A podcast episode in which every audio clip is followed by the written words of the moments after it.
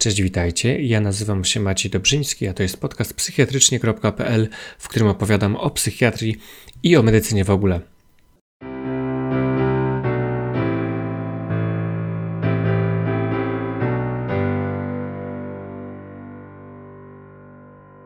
W tym odcinku krótkie takie podsumowanie do PES-u, nieco informacji o samobójstwie. Słuchałem ostatnio fajnych podcastów e, tego kanału e, Psychiatry and Psychotherapy. Tam było w sumie trzy podcasty na ten temat. Ostatni mnie tak e, zainteresował. Więc wróciłem do książek, bo tego tematu tam dogłębnie nie robiłem przed egzaminem, więc teraz usiadłem to e, nadrobić, zobaczyć co te nasze książki piszą na ten temat. Parę notatek zrobiłem, je tutaj omówię, a na koniec parę słów e, o tym podcaście ewentualnie takie rzeczy, z których można byłoby, myślę, zrobić pytanie na PES. No to chociażby wymień, wymień cztery fazy zachowania suicydalnego. Po pierwsze jest to samobójstwo wyobrażone, potem upragnione, potem usiłowane, potem dokonane. Sztuka dla sztuki trochę, nie? W sensie, okej, okay, no. Gdy z kolei na koniec e, ta zielona książka e, mówi z kolei o procesie decyzyjnym, na koniec rozdziału jest takie określenie, że proces decyzyjny do samobójstwa to są najpierw myśli depresyjne, potem rozważania o śmierci, potem przyzwolenie na śmierć drogą naturalną, na przykład we śnie, potem rozmyślanie o samobójstwie jako w ogóle zjawisku, potem myśli samobójcze, potem tendencje, planowanie i właśnie próba i zgon. Ten, proces decyzyjny wydaje się być troszkę ciekawszą, lepszym e, spojrzeniem niż same te cztery fazy zachowania suicydalnego, no ale okej, okay, ktoś tam może sobie tak wymyślił, no ma to sens, nie? Lepszą ciekawostką taką na e, egzamin to są na przykład typy samobójstwa pod względem motywacji. Więc mamy samobójstwo anomiczne, egoistyczne i altruistyczne. Czymkolwiek to jest, prawda? E, no ale można dojść do tego. Egoistyczne, wiadomo, że tu chodzi o mnie, ale tak ściśle rzecz biorąc, nie do końca. W sensie samobójstwo egoistyczne to takie związane z brakiem integracji danej osoby z grupą, brakiem identyfikacji z grupą. Czyli wyobrażam to sobie, że nie wiem, nastolatek jest odrzucony przez swoją klasę, przez swoich znajomych, przez swoje otoczenie i z tego powodu no może, może to o to chodzi. Choć może bardziej ewentualnie w innych kulturach myślę, że się to spotyka jako nieprzyjęcie do społeczności, nie wiem, plemiennej czy coś w tym stylu. Drugie, mianowicie samobójstwo anomiczne. Co to w ogóle ma oznaczać? Więc książka tylko krótko pisze o tym, że jest to samobójstwo związane z poczuciem odosobnienia i utraty kontaktu z normami i wartościami społecznymi. Brzmi to e, dziwnie, prawda? Co to w ogóle jest, o co w tym chodzi? Właściwie to, co znalazłem w internecie, mówi o sytuacjach takich załamań społecznych w stylu, gdy na przykład zmienia się ustrój społeczny i normy, które regulowały życie ludzi do tej pory, po prostu e, rozpadają się, nikną, zanikają, nie powstały jeszcze nowe, i w takiej sytuacji braku tych norm współżycia społecznego ludzi, niektórzy właśnie się czują tak zagubieni, że aż popełniają samobójstwo. W jednym miejscu były przykłady, że może to być również z zewnątrz, właśnie przy kryzysie gospodarczym, zamieszkach, tego typu sytuacjach, ale również e, w sytuacji takiej e, osobistej, nagłego zbiednienia, ale również nagłego, bardzo dużego wzbogacenia się. I człowiek wyrwany z tego stylu życia, w którym był dotychczas, z tych ram, trafia w zupełnie inne, czy też trafia w sytuację bez takich ram i ograniczeń i nie wiedząc co z tym zrobić się załamuje. Nawet y, samobójstwo po, po rozwodzie czy po śmierci małżonka można byłoby podciągnąć pod to, pod to anomiczne na tej zasadzie, że ta druga osoba, mój status społeczny się tak drastycznie zmienia, że nie wiem, jak sobie z tym poradzić. Też mam, y, przychodzi mi do głowy, wiecie, taka sytuacja, y, miałem, leczyłem taką jedną osobę, która, oj, tych prób samobójczych miała ze dwie czy trzy poważne takie, które rzeczywiście dla wielu już by się skończyły śmiercią. I to było takie właśnie, można by powiedzieć, samobójstwo anomiczne, bo w ogóle myśli samobójcze i te plany samobójcze, to wszystko zaczęło się u tej osoby po śmierci bliskiej, która te ramy właśnie wyznaczała. Ta bliska osoba, tak żeby tutaj dużo powiedzieć, ale nie powiedzieć o kogo chodzi, nie? Nazwijmy ją ta osoba A, była takim liderem w tych relacjach, w tej rodzinie, wyznaczała, co inni mają robić, i ta osoba B świetnie funkcjonowała w tych ramach, ale przy nagłej śmierci tej osoby A, ta osoba B nie była w stanie sama sobie poradzić ze swoim życiem. I stwierdziła, że ona w zasadzie już nic więcej, no może też nic więcej, to źle powiedziane. No w każdym razie po kilku miesiącach zaczęła po prostu czynnie dążyć do samobójstwa.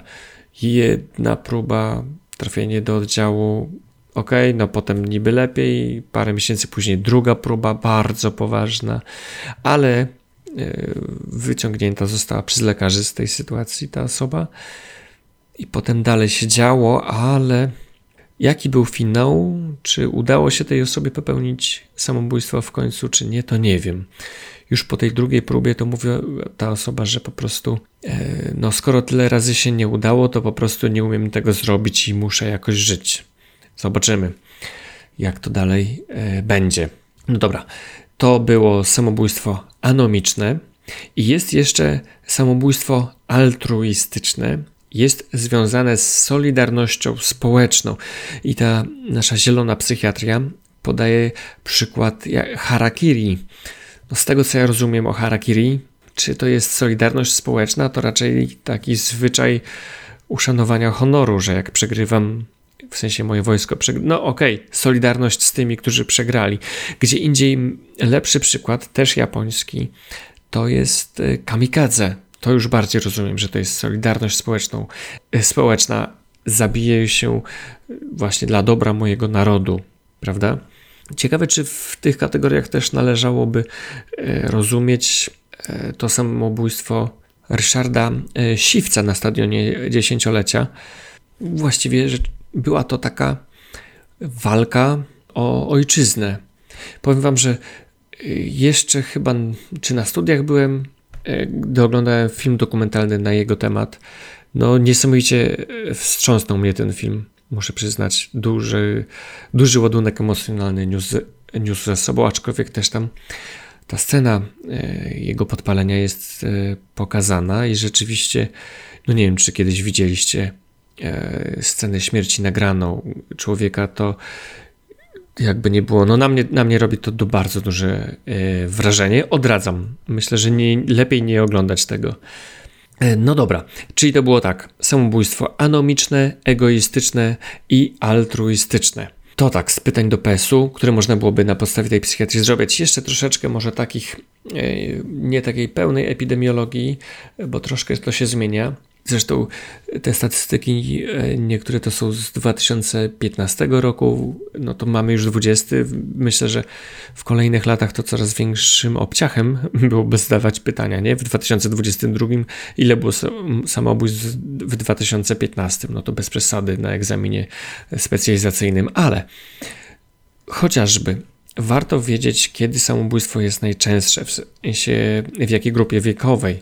Otóż e, od 15 do 29 lat to jest 8,5% wszystkich zgonów w tej grupie, czyli jest to druga co do częstości przyczyna śmierci. Po wypadkach komunikacyjnych, oczywiście. Kto częściej podejmuje próby samobójcze? Kobiety, kto częściej dokonuje samobójstw? Mężczyźni. 1,8 raza częściej, chociaż to też zależy, jakie statystyki weźmiemy, jakie badania, ale skoro w książce jest 1,8 razy częściej, to się trzymamy, że 1,8 razy e, częściej. I to jest też w książce nazwane właśnie paradoksem płci, że kobiety dużo częściej podejmują próby, które są nieskuteczne, a mężczyźni za to dużo częściej jednak skutecznie się zabijają.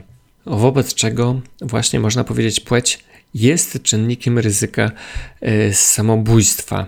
I właśnie może przejdźmy do tych czynników ryzyka e, samobójstwa. Mamy dwie listy. Jedna właśnie w czerwonej trójtomówce, bardzo, bardzo długa. druga krótsza w nowszej książce zielonej profesora Gałeckiego, profesor Schulz. Zacznijmy od trójtomówki, czyli psychiatrii profesorów Ciurki, Rybakowskiego i Purzyńskiego.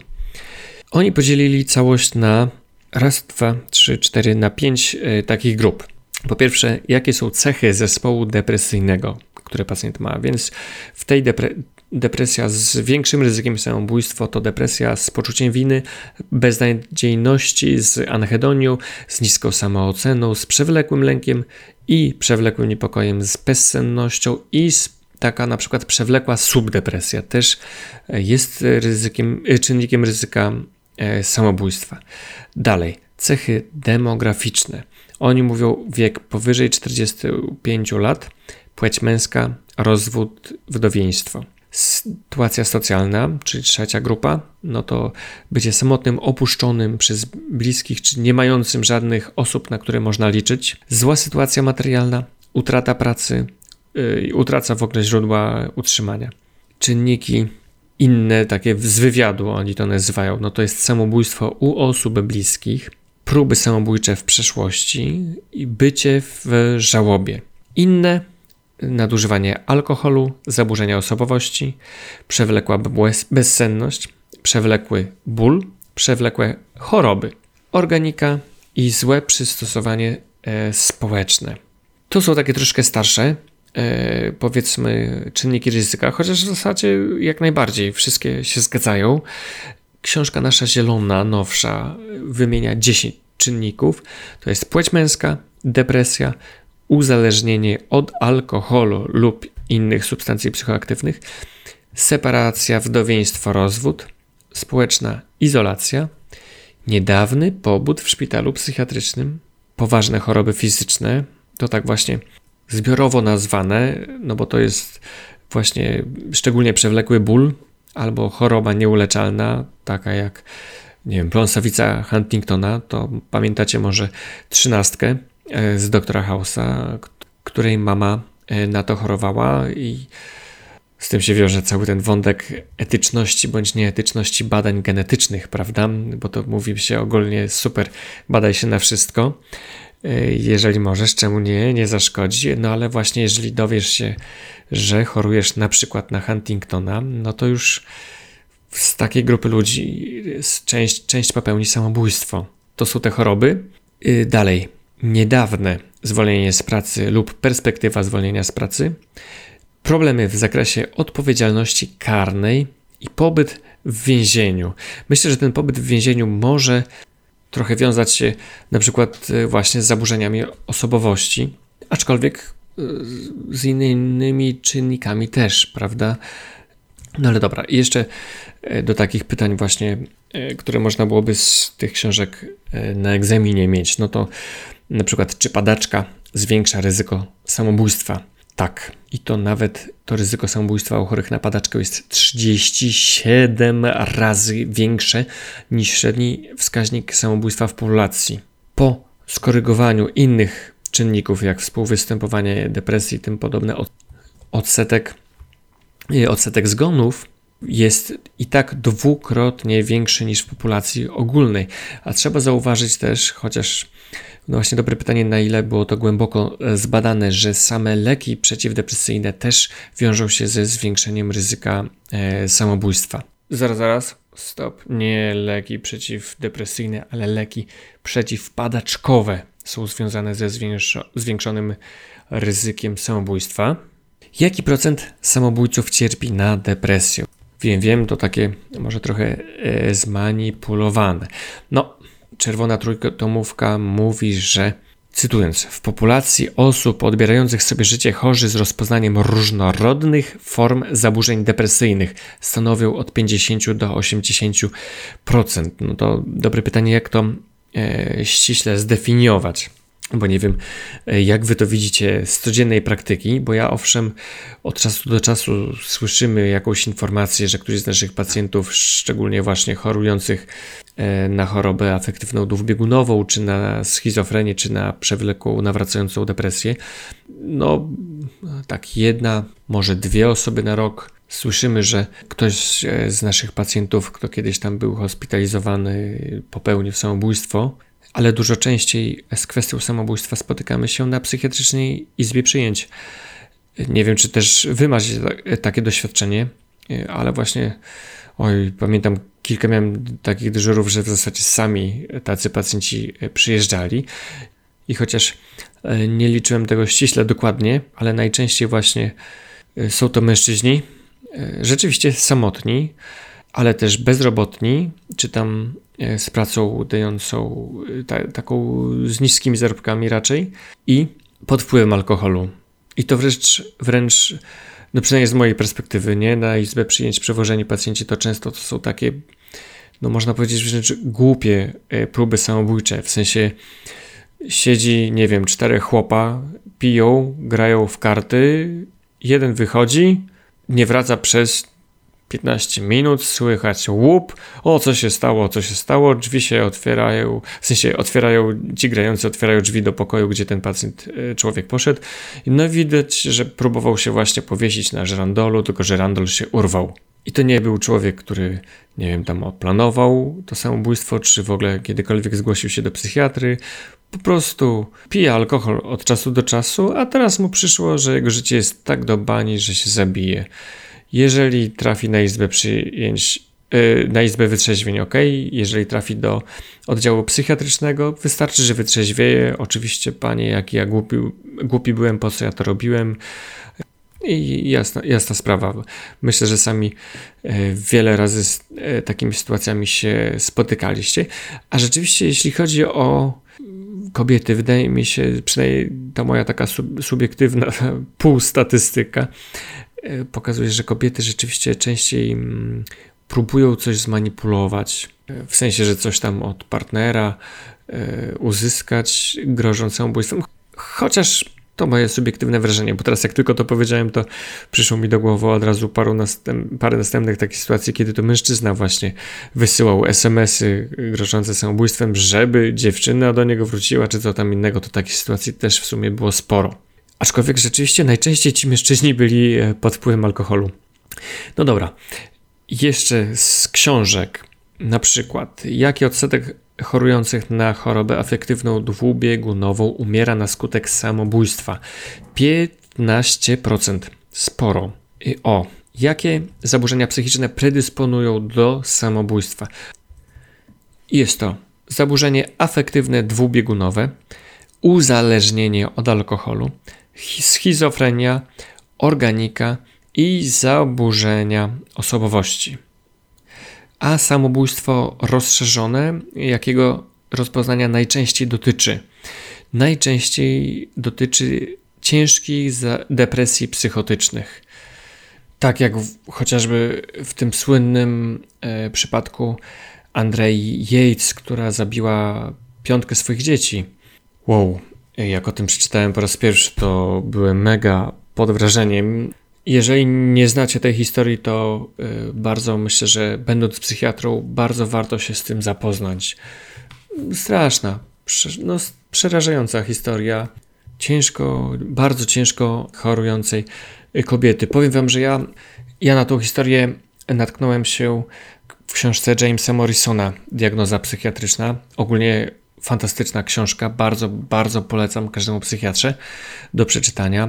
Bardzo fajnie, mi to bardzo fajnie pokładało diagnozowanie pacjentów. Jest, czyta się w zasadzie jak kryminał. Bardzo wciągająca. Tak nawet myślę sobie, że chętnie przeczytam ją jeszcze raz. No dobra, czyli y, jak to mówi e, trójtomówka, samobójstwo rozszerzone dotyczy najczęściej ciężkich depresji psychotycznych, rzadziej jego motywem jest bilans depresyjnym. To e, cytat. Chociaż też się zdarza, pamiętam parę lat temu na przykład dorosłego dziecka, ciężko chorego, upośledzonego głęboko, zabiła siebie jego w, w poczuciu tej beznadziei, samotności, braku pomocy. No dobra, to byłoby tak w skrócie w zasadzie to, co e, wymagane jest e, do PES-u. Taka powtórka, znaczy wiadomo, najlepiej te rozdziały przeczytać. Tam jest sporo też o statystykach, E, o dzieciach też trochę, bo niestety wygląda na to, że wzrasta liczba samobójstw u dzieci nastolatków. Aczkolwiek no, te statystyki wiadomo, z każdym rokiem robią się coraz bardziej przestarzałe. Na koniec parę słów Wam e, wspomnę o tych podcastach Psychiatry and Psychotherapy podcast. Świetnie facet e, tam to ogarnia, e, różne badania analizując różne podejścia. I co jest ciekawe, to znaczy ciekawych tam jest bardzo dużo rzeczy. E, te kilka, które mi najbardziej e, w pamięć zapadły. Aha, może właśnie to jak Amerykanie się uczą, e, to ak akronimami, nie? I oni mają na przykład akronim na ryzyko samobójstwa to jest SAD persons, SAD, S, seks, czyli płeć męska, A, age, czyli wiek, to to jest powyżej 45 roku życia, chociaż też właśnie bardzo częstą grupą e, są ci młodzi ludzie. Dalej, litera D odpowiada depresji, depression, czyli mamy SAD, persons, e, czyli tak P, prior attempts, czyli wcześniejsze próby e, samobójcze, I, czyli E, etanol, czyli alkohol, bądź inne substancje psychoaktywne, R dla rational thinking loss, czyli utrata racjonalnego myślenia, na przykład w psychozie, bądź w organice. S. Social support loss, czyli brak wsparcia społecznego. O, czyli organized plan. N. No significant other, czyli brak tej bliskiej osoby do wsparcia. I S na końcu e, sickness, czyli właśnie te choroby przewlekłe, choroby z bólem, e, choroby nieuleczalne. Jeszcze oni dodają na koniec dostępność do broni, bo w Stanach najwięcej śmierci jest właśnie poprzez z użyciem broni palnej. Parę innych ciekawostek, e, które tam wspominali, e, takich smaczków, e, chociażby okazuje się, że w krajach katolickich i muzułmańskich, takich bardzo katolickich, bardzo muzułmańskich, jest mniej samobójstw niż w innych. No, chyba nasz, nasza katolicka Polska niekoniecznie się w to wpisuje, bo wcale nie mamy tak niskich statystyk, prawda? Ale może, nie wiem, Włochy czy Filipiny tu bardziej są brane pod uwagę. Też e, cytują w tym podcaście e, badanie e, zrobione na osobach uczestniczących w terapii uzależnień i okazało się, że osoby używające dwóch substancji, alkoholu i czegoś jeszcze, miały dużo większe, znacząco większe ryzyko samobójstwa niż inni. I to już nie miało znaczenia, czy to był alkohol i benzodiazepiny, czy alkohol i opiaty, czy jakakolwiek inna e, kombinacja. I jeszcze jedna rzecz, e, taka dość ciekawa z tego podcastu. Wygląda na to, że tak jak zresztą zauważa trójtumówka, nie jest tak, że chęć samobójstwa koreluje z ciężkością depresji, nie? Są pacjenci, którzy są w bardzo głębokiej depresji psychotycznej, a jednak nie chcą siebie zabić, a są pacjenci, którzy są, powiedzielibyśmy, w depresji umiarkowanej albo wręcz lekkiej, a już ciągnie ich do samobójstwa. I to, co w tym podcaście było bardzo fajnie zwrócono uwagę na to, to było locus of control, co się tłumaczy na poczucie miejsca kontroli. Inaczej mówiąc, im bardziej jestem przekonany, że moje życie zależy od sił zewnętrznych, a ja nie mam na nie wpływu, tym większe moje ryzyko samobójstwa. A im bardziej jestem przekonany, że to ja wpływam na swoje życie, że ja swoją pracą czy działaniem mogę coś osiągnąć, mogę coś zmienić w swoim życiu, czyli że ja kontroluję swoje życie, im bardziej jestem o tym przekonany, tym mniejsze jest moje ryzyko samobójstwa. Myślę, że to takie bardzo ciekawe e, spostrzeżenie. Znaczy, to oni tam się podpierają konkretnymi e, badaniami, nie na zasadzie, że to tylko spostrzeżenia, ale bardzo dobrze mi to pasuje do światopoglądu.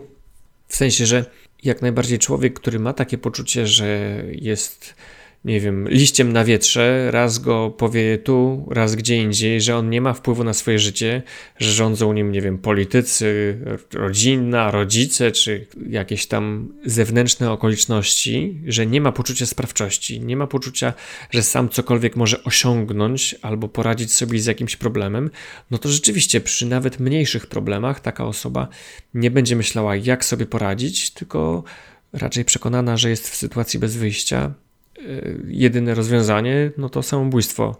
Gdy z drugiej strony ktoś, kto dużo w życiu sam swoją pracą osiągnął, czy też dużo rzeczy czy um, wie, że umie rozwiązywać problemy, to te problemy nie motywują go do samobójstwa, tylko są kolejnym wyzwaniem do rozwiązania.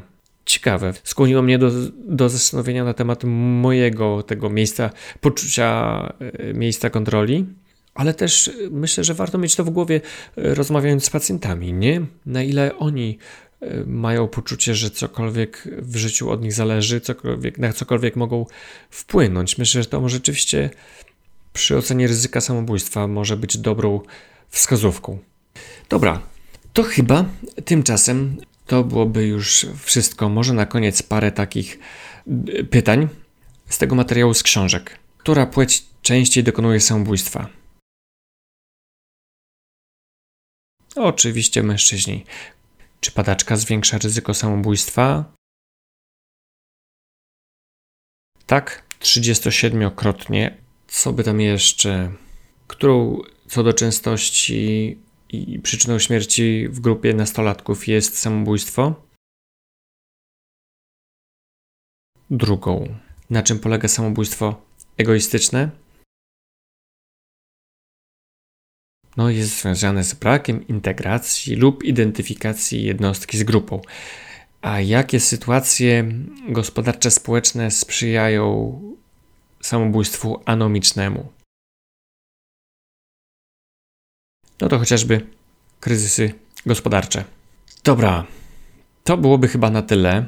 To powodzenia na egzaminie. Trzymajcie się. Ja nazywam się Maciej Dobrzyński, a to był podcast psychiatrycznie.pl. Cześć!